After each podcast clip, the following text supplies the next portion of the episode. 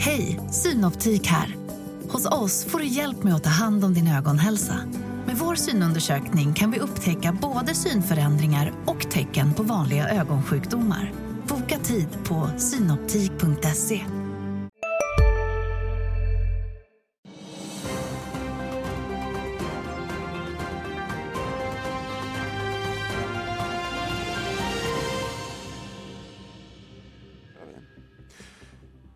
äntligen här, julmånaden och dessutom är det fredag. Vi noterar blandade börser i Asien, lite sidledes rörelse efter att Wall Street och världens börser i övrigt summerat en urstark novembermånad. Det är den 1 december, det här är Börsmorgon.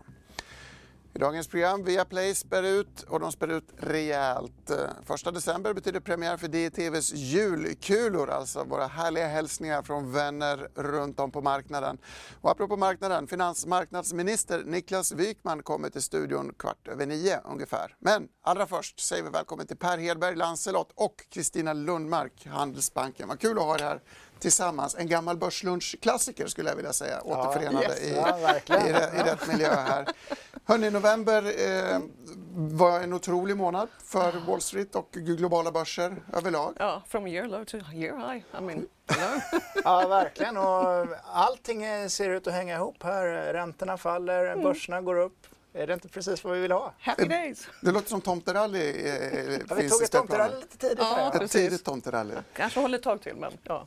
Oljepriset däremot fortsatte tappa under fredagen nu och gick mot en sjätte vecka i rad med nedgångar. Det här följer ett OPEC-möte där man lovat mindre produktionsminskningar än förväntat. Eh, Sen har man lite trovärdighetsfrågor där också. Vi kan väl nämna svensk industri, PMI, även om jag tycker att PMI inte har funkat sedan pandemin. Den stiger i alla fall rejält till 49,0 från 46,2. Det är den högsta nivån sedan september förra året. Snubblande nära 50 alla är glada nu verkar det som. Mm. Ja, Inköpscheferna jublar. Börsklimatet brukar påverka ganska mycket sentimentet, ja, eller hur? Ja, så, brukar vara ledande. Ja, okay. En positiv eh, feedback loop. Mm. 12 miljoner aktier mäklades i Securitas i slutkålen på torsdagsbörsen. 2% av det totala aktiekapitalet. Spännande va? Mm. Ja, det går ju spekulationer om EQT, deras väljefond. Att de säljer av sina... Att, ja, sina ja. innehav. Vi såg ju Storebrand, alltså försäljningen här nyligen. Så att, ja. Det kanske kan vara del av kalkylen. Ja, det ska bli kul att se vem som, vem som köper. Äger du Securitas? Nej. Nej. Mm. Lite av en uppesittarkväll igår. Jag väntade till midnatt på Viaplay som inte kom, precis som tomten. Däremot i morse så kom ju beskedet. Dels, eh, ska vi börja med resultatet? Resultatet var ju faktiskt lite mindre dåligt än väntat. Ja, i alla fall på Norden, så att själva kärnan funkar ju. Men det är som utanför, alltså det är både försäljning och intag utav alltså subscribers var lägre. Men som sagt, Norden håller. Men den stora oh. smällkaramellen Per, vad var det? ja men det här är ju, det är ju skolboksexempel på, ska vi rädda verksamheten eller ska vi låta aktieägarna gå under aktieägarna och skit Nu ska vi rädda det här och vi sätter emissionen på en spänn.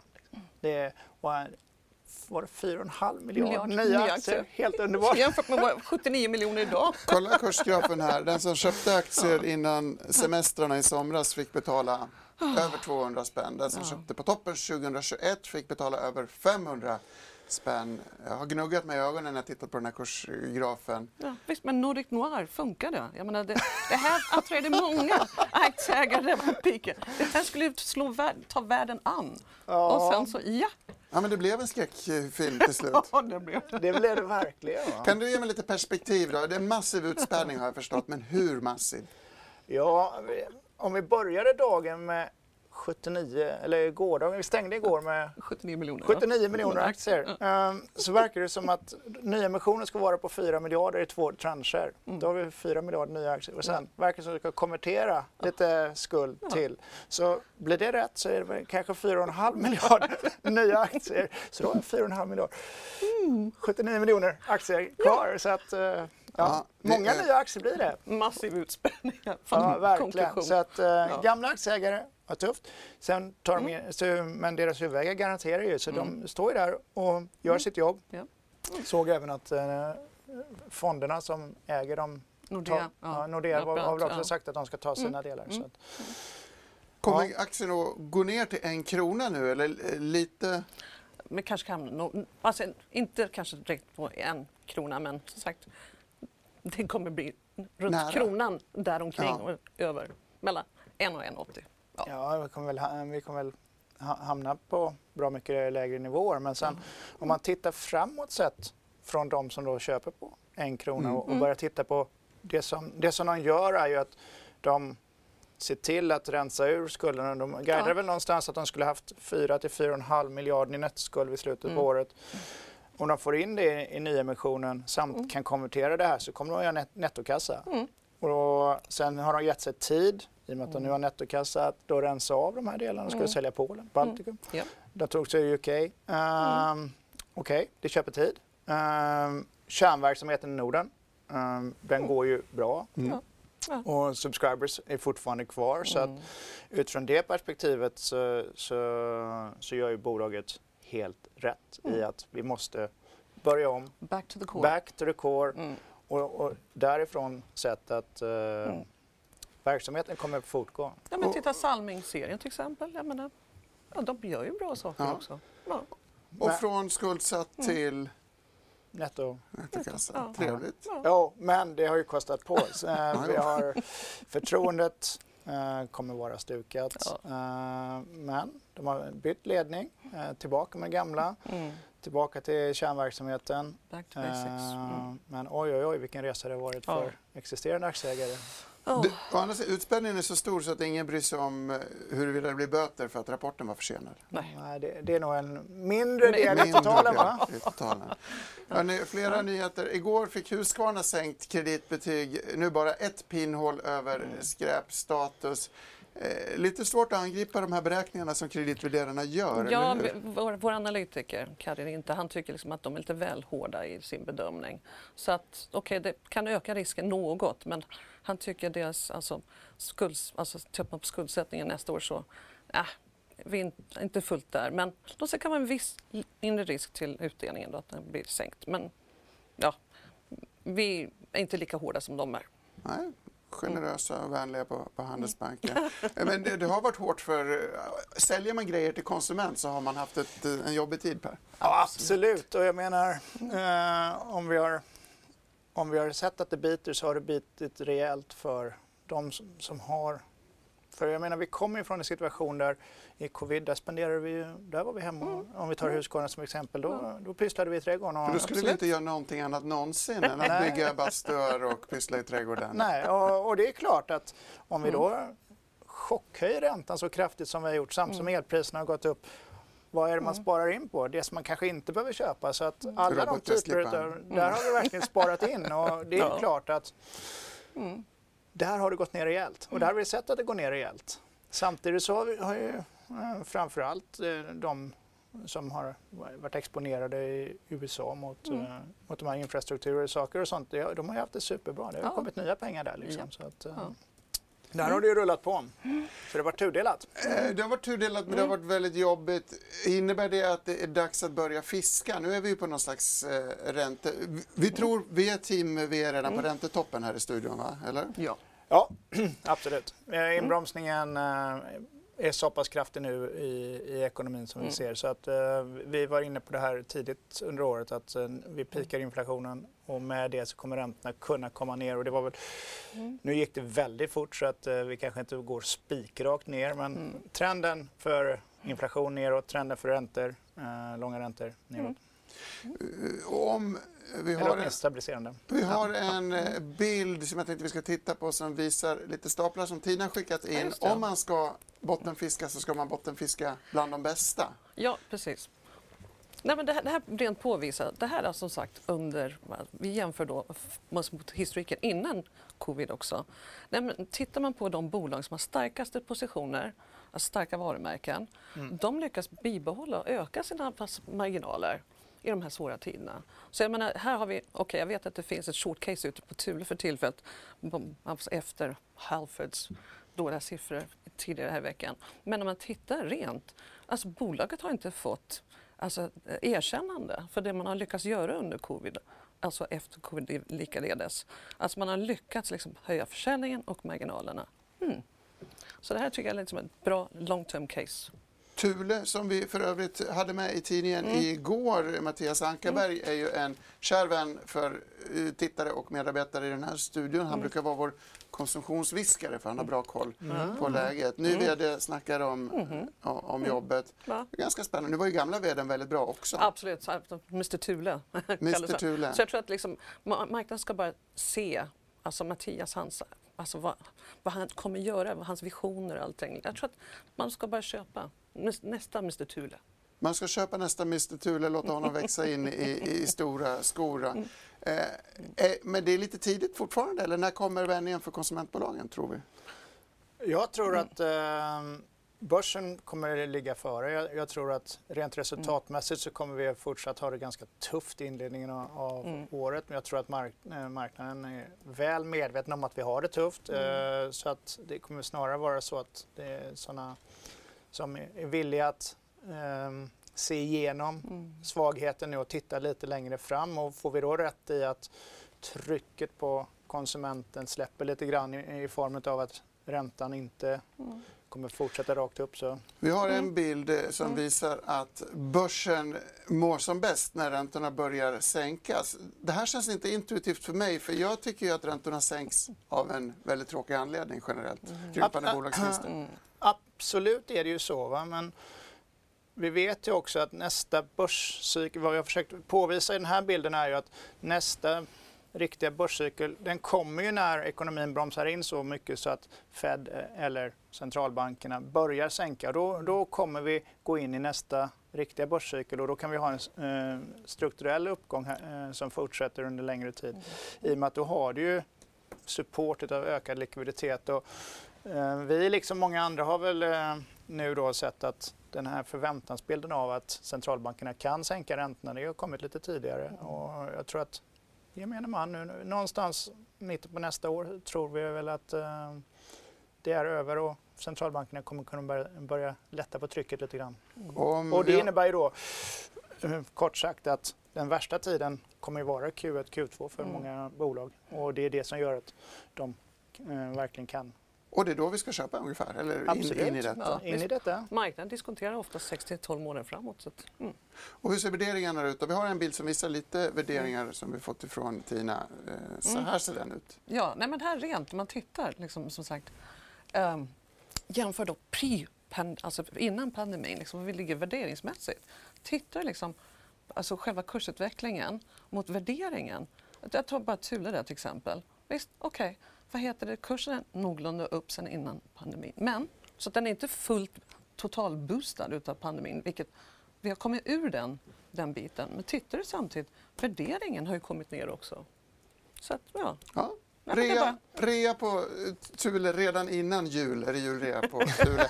Och apropå jul, vi ska gå till ett litet huvudnummer, en liten karamell som jag sett fram emot extra mycket, nämligen DTVs julkulor. Den första kommer ifrån Kopparbergs Bryggeri och Peter Bronsman.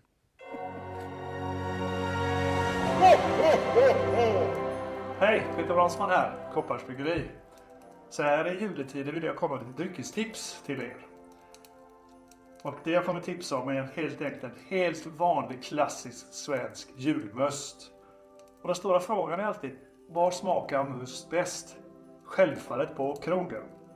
Så must på krogen. Med det sagt vill jag ta tillfället i akt att, att önska alla i jultider en riktigt god jul och ett riktigt gott nytt år. Skål på er!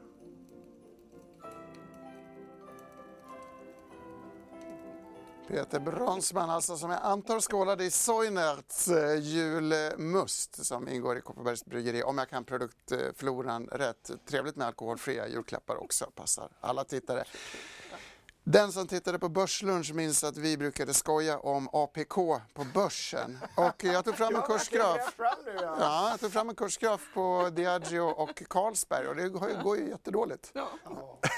Oj, oj, oj. Ska, ska vi överge den traden eller kommer det också vända när konsumentaktier blir populära igen?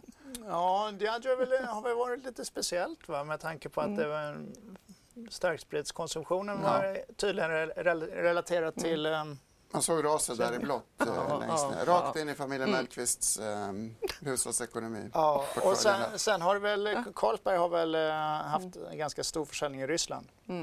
Så, och det finns många, många problem, men, Mm. men flera, det här är ju lite lyxkonsumtionstrender som har vikt ner efter flera starka år på något sätt. Lite så, för Ja. vi, har ju sett att, eh, att fastighetssituationen i Kina har gjort att den kinesiska konsumenten har haft det tuffast av bland många. Skulle ni, det här är ju lite, inte lika upphetsade inför dryck och lyxkonsumtion alltså som andra marknadsledande konsumentaktier. Är det en slutsats preliminärt? Preliminärt ja. Mm. ja. Vi investerar ju inte i, alkohol så ja. Nej, ja, det eh, lå- låter rekorderligt. Hörni, vi ska få ett par case till eh, innan finansmarknadsministern kommer. Men klockan har slagit nio, dags för börsöppning och Viaplays rysar trade. Över till Studio 2.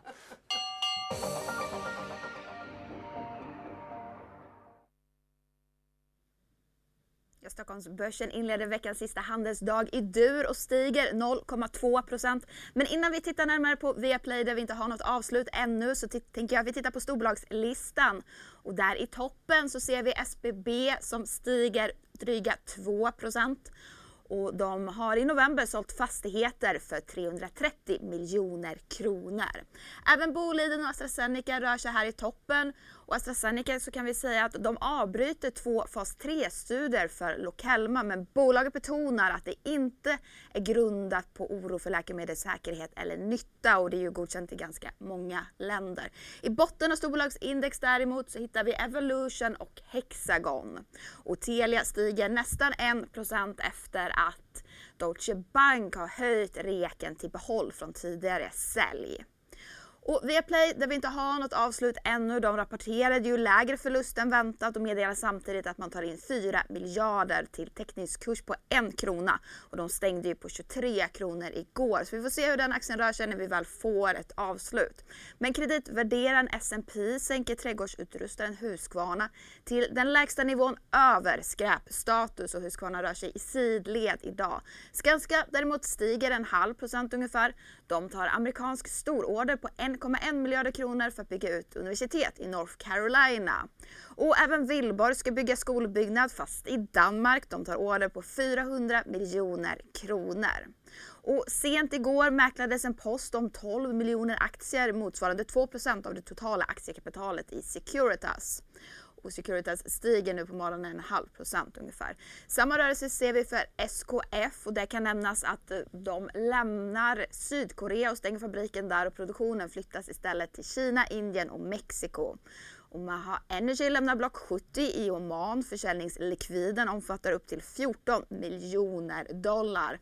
Och den aktien tappar nästan 3% Och så kan också nämnas att det lilla Bellpol Handel stoppas. Bolaget har ifrågasatt för en del av sina avtal och även spekulationer om uppköp.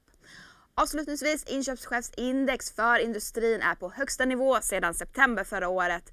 Den ökade till för, från 46 till 49 i november, så nära tillväxtgränsen på 50.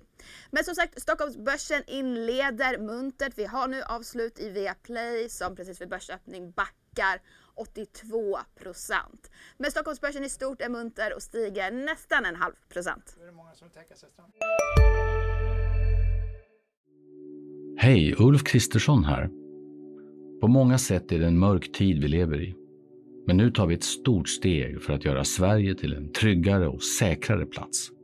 Sverige är nu medlem i Nato. En för alla, alla för en.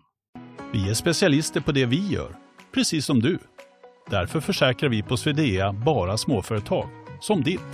För oss är små företag alltid större än stora och vår företagsförsäkring anpassar sig helt efter firmans förutsättningar. Gå in på swedea.se företag och jämför själv. Ja, vi har spekulerat mycket här eh, i studion om det blir handelsstopp eftersom du har en så kraftig nedgång eller om man mm, hanterar den här kolen annorlunda än fyra spänn. låter ju ganska Ja, det var ja, mycket. bättre. Vinnaraktie. Skulle ni köpa, om det närmar sig en, kommer du in då som intressent? Preliminärt, du behöver inte Pri- committa. privat. Preliminärt, preliminärt utan att titta på det. Ja, då, absolut. Då måste, vi, då måste vi titta på det. Det är vårt jobb. Ja, Hörni, Billeruds eh, tillförordnade VD Ivan Wattne blir permanent VD i det bolaget. Kom också nu på ny, eh, morgonen. Trevligt. Positivt. Mm. Positivt. Jag tänkte vi ska botanisera vidare bland konsumentrelaterade aktier och traditionsenligt ifrån Lancelot så får vi både från när och fjärran. Ja, Ett är känt, eh, Paypal, en gammal gammal eh, favorit från förr. Va? Gammal favorit från Lite förr. av en fallen angel. Eh, vi, har ju, vi gillar ju bolag som har extremt starka marknadspositioner för att anknyta till det Tina pratar om. Vi, vi gillar ju att se att du kan med den, utan att få med för mycket förändring utnyttja din starka marknadsposition. Bolaget har tagit in ny management. De har gått, eh, kommit tillbaka med en ny strat- strategi. De kan skära ganska mycket kostnader. För jag tänker ju på det här som någon slags Ebay-kopplad amerikansk lösning som man inte riktigt behöver Från, längre. från början var det ju det. Eh, och sen har de utvecklats till en ledande kameleont inom hela betalningsspacet. Så de, de hjälper ju de, de hjälper ju dig att checka ut oavsett vilken webbsida du handlar på. Du kan som handlare använda deras system. De jobbar som för Uber, de jobbar för Airbnb, för en white label utav betalningssystemet. Så de är ju djupt inkopplade i hela e-commerce-systemet. Alltså en Klarna-konkurrent. De köpte Mm. Izettle för några år sedan va? om jag inte minns fel. Absolut, så att de har ju även den här utcheckningen som Buy Now Pay Later, precis som Klarna, så de är en Klarna-konkurrent också. Och deras marknadsposition är ju som en av de ledande aktörerna. Aktien har fallit rejält. Den nya vdn har kommit in, vi har träffat honom och har gjort ett väldigt bra intryck. Eh, Det finns mycket kostnader att ta ut i bolaget. De har en stark balansräkning, ledande marknadsposition. Superintressant aktie inför nästa år. Vi tror verkligen att det här kommer kunna vara någonting som kommer kunna bygga sin position vidare. Och den har precis börjat bottna här nu. Så att jag tror att det är, det är vi, har, vi ser mycket potential i det här. Spännande. Ja, det var väldigt spännande. Det här är ett gammalt Elon Musk-bolag va? Back in the day, eller? Back in the days så var han även där inne och rotade. Ja, han, han har varit med på många. Vi ska titta på lite bilder på Elon Musk, eller inte på honom själv, men på hans nya eh, lätta lastbil, Cybertruck. Den här, här tävlar mot en Porsche och vinner i en reklamfilm. Men Elon Musk var i ropet igår på Wall Street. Dels så har han gjort diverse kontroversiella kommentarer. Eh, aktien backade lite också efter ett lanseringsevent där de första kunderna fick köra iväg med de här eh, cybertruckarna som verkar kosta närmare miljonen ungefär. Skulle ha kostat Skulle varit lite- 300 400 000 från början. men Skulle varit lite har... billigare. Va? Jag tror du, du ska kunna köpa den för 70 000, 69 000 dollar. Men den tillverkningen har inte börjat än. De som levereras nu är, mm, jag heter The Beast tror jag den Ja. hette. Jaha, är det värstingversionen? Värsting, värst, värstingarna först. Eh, ehm, från det, från gas till broms tänkte jag Shimano eller växlar eller vad är det man gör? Ja, det är, det är cykelkomponenter. Som, eh, de är ju, det är också ett sånt där bolag som, som vi tror, de, har, de boomade under covid. Alla var vi hemma, vi, vi gjorde saker, vi cyklade, vi köpte hur mycket cyklar som helst. Sen har vi haft en situation där det blev för mycket cyklar som satt fast hos eh, cykelhandlarna runt om i systemet. Och det problemet börjar nu gradvis lösa upp sig. Vi vet att de, de är dominanta på alla typer av utrustning så att allt du behöver byta ut på din cykel i form av växlar, bromsar eller vad det nu må vara. Det, där tjänar de fortfarande väldigt mycket pengar. Vi tror också att det här lagerproblemet som har varit kommer gradvis nu lösa sig härifrån. Och vi vet att deras nya produktprogram kommer eh, och är populärt. Så att, Och med den här trenden att e-bikes även använder deras utrustning så har du liksom en extra liten fin kicker ovanpå. Så eh, härifrån så tror vi att det kommer vara ett bolag som med, än en gång, superstark marknadsposition, bra eftermarknad, starka marginaler och härifrån kommer kunna växa tillbaka in i den kostymen som, som de var i under covid-situationen. Precis, men samtidigt så har vi fått en bas. Ja. En högre bas under alltså pandemin också. Ja, verkligen. Så att, Ja, eh, mm. Jag vill höra mer om den högre basen. Det här rimmar ju lite på Thule tycker jag, eh, argumentationen. Ja, men alltså tittar du all industri, liksom när du har fått en bas, men det kan vara Elekta, det kan vara liksom vilket bolag som helst. Liksom, får man en bas, då får du eftermarknaden också. Det är det, så att liksom, Man ska till på basen. Ja, installera bas och sen Mm. kan du ser- serva dina, serva dina existerande kunder och sen mm. kan du växa ovanpå det. Och Så kommer det komma gradvis kommer du då ha en väldigt stark pricing power i och med att du har en stark marknadsposition. Mm. kan höja marginalerna. Sen Mm. har du inputpriserna då som har chockhöjdes i samband med att vi hade problem med hela supply chains som nu gradvis kommer komma ner. Mm. Om vi då får rätt i att det blir lite svagare ekonomi så kommer även det vara lite svagare. Och om du då fortsätter höja priserna så kommer marginalen härifrån se lite bättre ut. Mm. Än en gång. Apropå bas då, vad, vad sa vi, aktien är ner 40% från toppen. Mm. Nu, jag vet inte hur Thule, Thule kanske har gått, gått ner ännu mer, men också samma, Mm. samma gemensamma nämnare är att du har en attraktiv prisbas.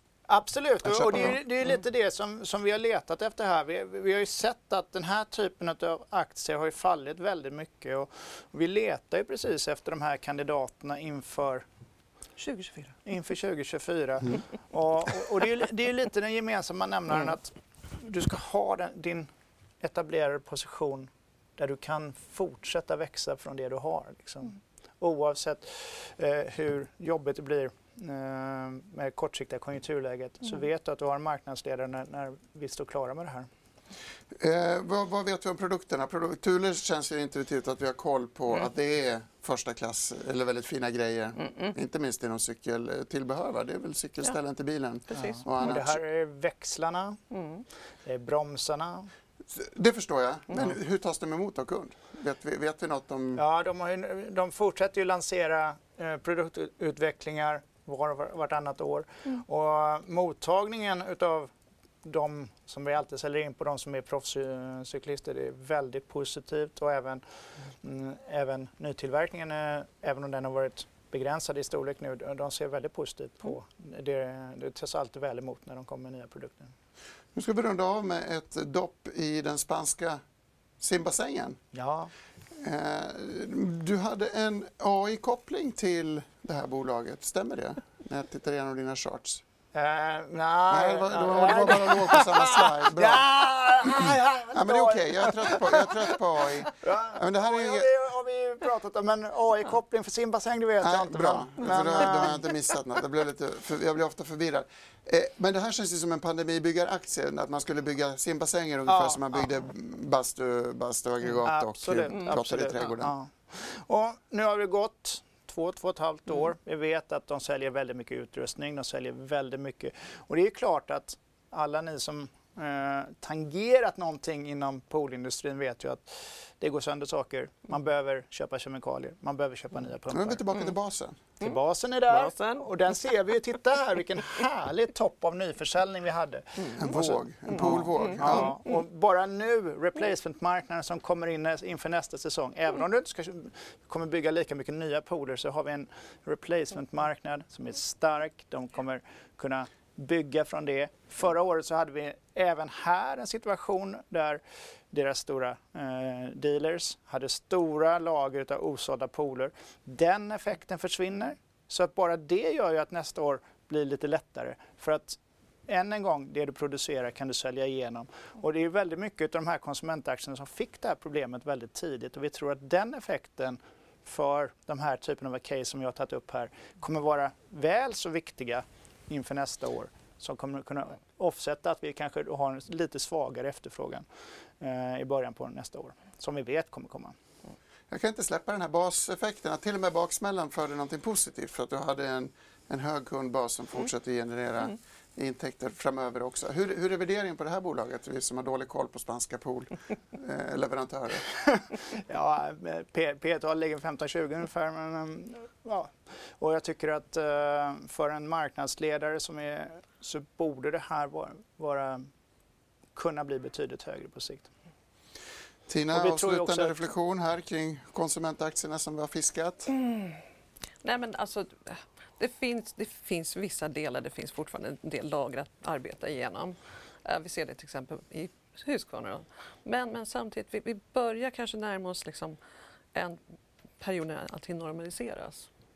Och som sagt, jag gillar bolag där man har, alltså, man har en bas att arbeta med så man kan liksom, reservdelar och så vidare, liksom i service, liksom det där. Och, och en marknadsledande position då för att försvara Ja, marginalerna. det är ju, det är, och det blir ju ännu viktigare i och med att vi vet att vi har en relativt svag ekonomi, då är ju marknadsledarpositionen att eftertrakta. För det är bara du som marknadsledare som kommer kunna ta ut högre priser i och med att du har ett starkt varumärke. Per Hedberg, Kristina Lundmark, ni har stärkt era varumärken ännu mer i den här föreställningen och därigenom vårat. Programmet är däremot inte slut, kära vänner. Vi har med oss Niklas Wykman, finansmarknadsminister, alldeles strax. Men allra först ett återbesök till marknaden och Studio 2. Stockholmsbörsen är fortsatt i dur och stiger 0,3 procent. Och om vi tittar storbolagslistan som faktiskt stiger lite mer och är upp en halv procent så ser vi att majoriteten av våra 30 storbolag faktiskt stiger nu på morgonen. Och i toppen där så har vi Sinch som är upp 3 procent. Även Boliden är upp och stiger 2 procent. AstraZeneca stiger nästan 2 procent trots att de har meddelat nu på morgonen att de avbryter två fas 3-studier för Lokelma men bolaget betonar att det inte är grundat på oro för läkemedelssäkerhet eller nytta. Om vi fortsätter med uppgångar så SBB stiger 1,5 procent. De har ju i november sålt fastigheter för 330 miljoner kronor. Och även Telia stiger upp 1% lite drygt efter att Deutsche Bank har höjt sin rek från tidigare sälj till behåll. I botten av storbolagslistan däremot så hittar vi Kinnevik och Nibe som backar en respektive en halv procent ungefär. Och så ska vi givetvis kolla via Play. De backar omkring 80% nu. De rapporterade ju lägre förlust än väntat och meddelade samtidigt att man tar in 4 miljarder. Och teckningskursen där var på 1 krona och den handlas nu på 4 kronor, så över den teckningskursen.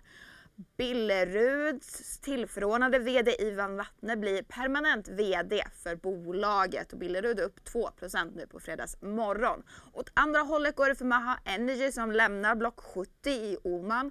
Försäljningslikviden omfattar upp till 14 miljoner dollar. Och så kan vi säga att Hansa stiger 2,5% De har förvärvat det svenska bolaget Orbit One.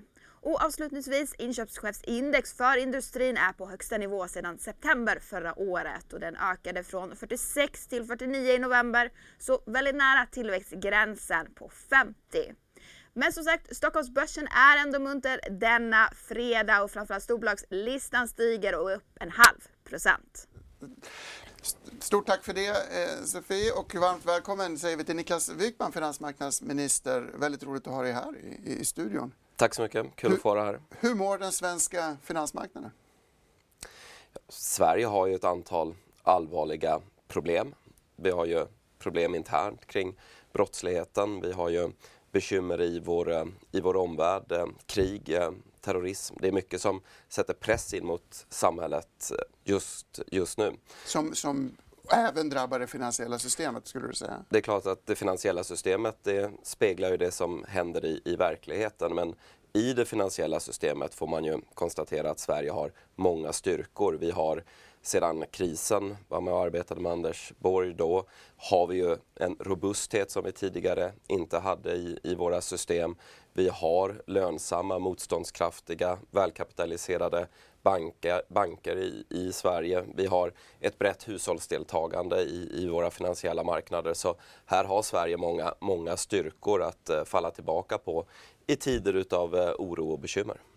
Cyberbrott är något som oroar många företag. Vi har skrivit en hel del om det också. Har du någon reflektion kring riskerna och motståndskraften där idag? Ja, vi, vi behöver göra mer i Sverige och vi har påbörjat det arbetet. Uh, det pågår utredningar på det här området. Det pågår stora investeringar. Vi har tillskjutit eh, pengar till våra myndigheter som, som arbetar med detta. Men här behöver man ju konstatera att Sverige under lång tid har gjort lite för lite och det har hänt väldigt, väldigt mycket mm. både på den, eh, i de, det tekniska området och i hur världen geopolitiskt har, har utvecklats. Så att, eh, det här är ett område där många arbetar mycket, där många investerar mycket men där vi också samlat behöver, behöver göra mer eh, i, i alla delar. Detta är ju ett reellt hot mot eh, inte bara enskilda företag utan mot hela vårt samhälle och det finansiella systemet. Så att här här finns sårbarheter, de eh, arbetar vi med. Hur är det att vara minister och tillsätta en utredning? Vill man inte agera skyndsamt? Är det inte frustrerande att behöva vänta väldigt länge? Utredningar känns lite som en malpåse. Ja. Det, det, är klart att man, eh, som person eller tillhörandes ett politiskt parti vill lösa saker så snabbt som möjligt. I andra vågskålen ligger ju att alla förändringar kan ju också ha biverkningar eller effekter man inte hade förutsett och påverka många aktörer i ekonomin. Så att det här med utredning och, och lagrådsremisser och den långa process som vi många gånger har. Det är klart att det kan vara frustrerande. Men då får man också påminna sig om att de finns där utav goda skäl. För att man inte ska få oönskade effekter eller orsaka så att säga stor, stor skada som man inte hade förutsett att göra. Därför, därför behövs de här processerna men så ska de kunna gå så fort som möjligt givetvis också. För några veckor sedan så skrev vi väldigt mycket om eh, en insiderhärva på börs, hos börsoperatören Nasdaq. Eh, operatören själv har inte kommenterat det här särskilt mycket. Hur går dina tankar som ansvarig minister? Ja, först och främst alldeles självklart och det vet ju de flesta att man som statsråd inte kommenterar enskilda händelser eller, eller utredningar. Det är bra att saker och ting utreds, det kan man ju alltid bara konstatera, konstatera brett. Om man inte ser till det enskilda fallet utan, utan brett, det är klart att alla som är aktörer på, på de finansiella marknaderna har ju en sak gemensamt och det är att man inte kan agera där om det inte finns förtroende. Hela, hela det system som vi dagligdags finns i på, på marknaden bygger ju på förtroende, på mm. tillit. Eh, då måste man ha, så att säga, agera med, med hög moral eh, och det måste också finnas en lagstiftning som backar upp att man ska göra det och, och det gör det. Men eh, alla som deltar på de finansiella marknaderna har ett gemensamt intresse av att de fungerar väl. Alla måste vara med och ta det, ta det ansvaret och agera så att säga där, därutefter. Sen behöver vi alltid följa att lagstiftningen är tillräckligt bra, att vi har de tillräckliga verktygen för att identifiera avvikelser och, och, och så vidare. Men, men i grunden så att säga tillit, det är det som först och främst alltid måste värnas i de finansiella marknaderna. Känner finansmarknadsministern tillit till Nasdaq? Det här är ju ett börsnoterat bolag som också har en myndighetsliknande övervakningsfunktion i, i sitt ansvarsområde. Är det ett upplägg som du spontant känner fungerar bra trots de problem vi upplever idag? Ja, återigen så att säga eh, pågående, pågående utredning och process. Och det är klart att det får ju utvärderas eh, när, när det är klart. Ett väldigt eh, återkommande tema i våra spalter och på den svenska marknaden, apropå förtroende, är att Finansinspektionen har svårt att behålla personal och eh, svårt att rekrytera och locka tillräcklig kompetens. Hur delar du den problemställningen kan vi börja med och hur skulle vi kunna lösa det problemet eller angrepa det problemet? Jag tror att man måste börja med att konstatera att det är ett, mynt med två sidor. Eh, att eh, Finansinspektionen, att många människor börjar jobba där och att många sen söker sig vidare. Det, det är ju inte bara ett dåligt betyg till Finansinspektionen utan det är ju också någonting positivt i det att de som arbetar där är uppenbarligen attraktiva för andra. Och när man har sagt det så måste man också konstatera att det blir ju också ett sätt att uppnå bättre regelefterlevnad. Att eh, människor ute på marknaderna vill rekrytera från regleringsmyndigheterna. Och det får man ju tro att man i normalfallet gör därför att då vet man att man får kompetens kring hur regleringarna fungerar och att man bättre kan följa dem. Så att eh, det är ju en del utav det blodomlopp som också behövs, att det är på det sättet. Så att jag det, det, är klart att det kan finnas bekymmer och problem om man har för hög personalomsättning. Men när det kommer till regleringssidan så är det också ett sätt att kunna implementera regleringen och skapa god efterlevnad. Att människor som arbetat med regleringen i myndigheterna sen arbetar med att efterleva den ute i, ute i bolagen. Så att, eh, jag, jag, tycker att här behöver man se så att säga, bredden i den, i den frågeställningen. Ja, där kanske vi tycker olika, men jag skulle nog säga att om du använder blodomloppet så skulle jag säga att patienten blöder ganska kraftigt när det gäller personal och bemanning. Men du låter inte lika oroad som som jag själv. Att det, att det är attraktivt att rekrytera från en av våra myndigheter, det tycker inte jag man kan dra slutsatsen av att det fungerar dåligt på myndigheten. Utan det ska man också dra, dra slutsatsen av att, det, att de som har jobbat där och lärt sig hur systemen där fungerar är attraktiva ute i ekonomin. Och det, det, det tycker jag inte jag man kan säga entydigt är negativt. Utan att det också bidrar till, att, till regelefterlevnad och, och att vi följer de lagar och regler som gäller. Fungerar regelefterlevnaden på finansmarknaden hyggligt bra idag? Eller din bild av det läget? Ja, alltså vi har ju en stor och bred finansmarknad i Sverige som många väljer att delta i. Jag vet inte annars exakt vilken typ av utvärdering man skulle välja men, men uppenbarligen så uppbär ju finansmarknaderna på bredden och, och djupet ett, ett förtroende. Vi har breda, djupa finansmarknader i Sverige. Vi har många hushåll också som, som deltar. Men det betyder ju inte att det, är, att det är problemfritt, att inte mer behöver göras. Eh, och här finns det ju en bredd utav aktörer som spelar stor roll. Vi såklart som ska lägga fram lagförslag, riksdagen som ska, ska, ska rösta om dem, myndigheterna som ska bedriva tillsyn, media som granskar detta. Så att vi har i alla fall fall förutsättningarna för att detta ska fungera, fungera väl. Sverige har ju eh, lite dåligt rykte just nu, man kan spekulera i varför. En komponent i det har varit fastighetsmarknaden och oro för att eh, bankerna på något sätt ska drabbas av det. Känner du någon oro över den finansiella stabiliteten i Sverige? Jag reser ju en del och har ju dialog med många människor också utanför Sveriges, eh, Sveriges gränser. Det är klart att man kan titta in på Sverige och så undrar man framförallt då kring kriminalitet, brottslighet, migration. Hur, hur tappade man kontrollen över detta? Och då konstaterar man ju samtidigt att vi nu har en regering som ju identifierar och tar tag i de här problemen. Så att jag tycker inte man bara ska måla i nattsvart där, mm. även om det såklart är bekymmersamt. Men man ser ju också nu att Sverige agerar mot de problem som vi haft, där man tidigare kanske inte har gjort det i tillräck tillräcklig utsträckning eller bedömts gjort det i tillräcklig utsträckning. När det kommer till kommersiella fastigheter, då är det viktigt att poängtera att ja, här kan det finnas enskilda bolag som har tagit på sig för mycket risk. Det är inte samma sak som att man har en systemrisk i hela sektorn än mindre är det samma sak som att det skulle utgöra ett hot mot den finansiella stabiliteten. Vi har så att säga eh, robusta, lönsamma banker i Sverige. Det finns goda förutsättningar för dem att agera i den här sektorn. Vi har ju en bred eh, diskussion och dialog med många aktörer. Man kan konstatera att här finns det också fler potentiella köpare än vad det finns säljare. Men med allt detta sagt kring våra skyddsvallar och den grundläggande styrkan i, i, svensk ekonomi med låg statsskuld och så vidare, så är det klart att ja, här finns det ju bolag som har tagit på sig för mycket risk och de behöver komma ner i, i sitt risktagande. Så, så är det ju. Men därifrån till att dra slutsatsen att det skulle finnas ett systemhot i detta, det, det skulle vara en mycket lång väg och då menar jag att här har vi sedan så att säga, finanskrisen byggt väldigt mycket robusthet kring våra banker och kring våra finansiella system och det finns en motståndskraft även ifall problemen skulle bli, bli större. Är det svårt och är det roligt att vara finansmarknadsminister? Det måste vara ganska tekniskt ibland. Det är roligt jag. eftersom det är svårt. Är du väldigt intresserad av eh, finansmarknaden själv? Ja, jag är väldigt intresserad av, eh, av ekonomin. Eh, människors möjlighet att få bra löner, få, få jobb, kunna försörja sig. Och i detta är ju finansmarknader helt avgörande. Men eh, mitt intresse för finansmarknader, om man ska vara lite noggrann, kommer ju utifrån och in snarare än inifrån systemet. Men i och med mitt stora intresse för jobb, tillväxt, eh, goda möjligheter att finansiera välfärden, ja det är klart att då är det ju naturligt att också ha ett stort engagemang och intresse för hur finansmarknaden fungerar. De är helt avgörande för det ekonomiska systemet. Är du aktie och börsintresserad privat?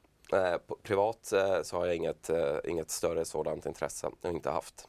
Vad, vad jag sparar i offentlig handling, så det, det, kan man ju säga. Jag ska inte be dig om några aktietips just, just idag. Då tittar du inte på Börsmorgon varje dag, tolkar jag det som? Nej, men det händer. Ja, bra. Ingen är perfekt. Du, Analytiker Massage har jag skrivit mycket om i, i tidningen. En företeelse där storbolag på börsen har direkta kontakter med analytiker. Det här är inte förbjudet på något sätt men det är ibland ifrågasatt. Eh, jag vacklar själv i vad som är rimligt. Har du några tankar i den frågan? Ja, först och främst väldigt bra att det uppmärksammas och skrivs om och problematiseras. Det visar ju på så att säga, eh, vikten och värdet utav det vi pratade om förut när det kommer till finansmarknadsreglering generellt, att det också finns en medial granskning och en transparens i detta. Och allt detta faller ju tillbaka på det vi egentligen redan har pratat om, om tillit alla aktörer här kan ju ha olika intressen kring en mängd olika saker när det kommer till finansmarknaden. Men alla som på ett seriöst sätt vill vara på finansmarknaderna har det gemensamma intresset utav tillit. Finns inte tillit mellan olika aktörer, ja då kan man inte ha en välfungerande finansmarknad. Då kommer osäkerhet öka, då kommer priser öka och till slut kommer hela ekonomin fungera sämre. Så att det, det, är väldigt viktigt att vara på den här typen av frågor. Men som du säger, här finns ju också väldigt, det finns väldigt tydliga lagar och regler. Man får inte hantera information hur som helst här utan det ska hanteras enligt det regelverket. Skulle det visa sig här att det finns, finns brister ändå i det regelverket, ja då är vi givetvis beredda att, att, att titta på det men, men eh, det är hittills inte bedömningen. Hur går dina tankar kring Alecta och Heimstaden? Någonting vi skrivit väldigt mycket om i det på sista tiden. Ja, det blir ju tyvärr samma tråkiga svar som på en tidigare fråga. Att enskilda, enskilda, ja, givetvis då att finansiell stabilitet är bra men, men, men också så att säga att enskilda bolag och enskilda händelser det, det får man överlåta till, till, till myndigheter och andra att göra bedömningar kring. Beskattning på ISK-konton får viss uppmärksamhet. Har du någon, något budskap i den frågan? Ja, där har ju vi eh, varit tydliga med att vi avser att, eh, att sänka den skatten. Det står ju inskrivet i de avtal vi arbetar utifrån och jag noterade här att finansministern eh, också berättade häromdagen att vi, vi arbetar med sådana förslag. Avslutningsvis då, eh, Niklas, någonting som jag har glömt att fråga dig om eller någonting du vill upprepa lite extra innan vi tackar för kaffet? En sak som är mycket viktig det är ju kring kriminaliteten i de finansiella, finansiella systemen. Vi, vi är ju plågade av kriminalitet i Sverige och väldigt mycket av detta har ju att göra med att tjäna pengar eller, eller till och med begå brott inom den, den finansiella sektorn. Bedrägerier är ju ett, mm. ett sådant exempel. Här arbetar vi ju intensivt eh, på, på bred front och det, det, tycker jag är viktigt att alla som är intresserade av detta känner till att eh, här är problemet identifierat. Eh, vi vidtar åtgärder, vi avser att vidta fler åtgärder därför att man ska inte kunna använda det finansiella systemet vare sig för att tvätta pengar som kommer från kriminell verksamhet eller för den delen att göra rena kriminella vin vinster i det här systemet. Här är det nya lagar och regler eh, på, på EU-nivå eh, på intågande som kommer underlätta.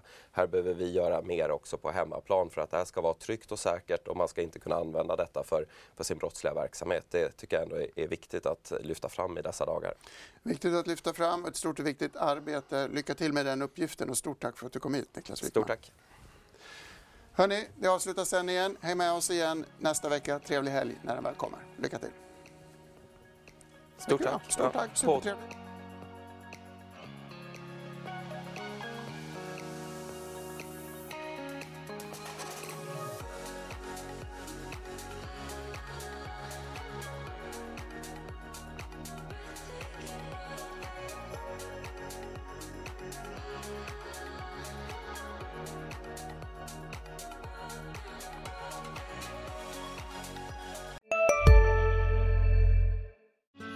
Susanne Axel här. När du gör som jag och listar dig på en av Krys vårdcentraler får du en fast läkarkontakt som kan din sjukdomshistoria. Du får träffa erfarna specialister, tillgång till lättakuten och så kan du chatta med vårdpersonalen. Så gör ditt viktigaste val idag, lista dig hos Kry. Ska några små tassar flytta in hos dig? Hos Trygg Hansa får din valp eller kattunge 25% rabatt på försäkringen första året. Läs mer och teckna djurförsäkringen på trygghansa.se. Trygg Hansa, trygghet för livet.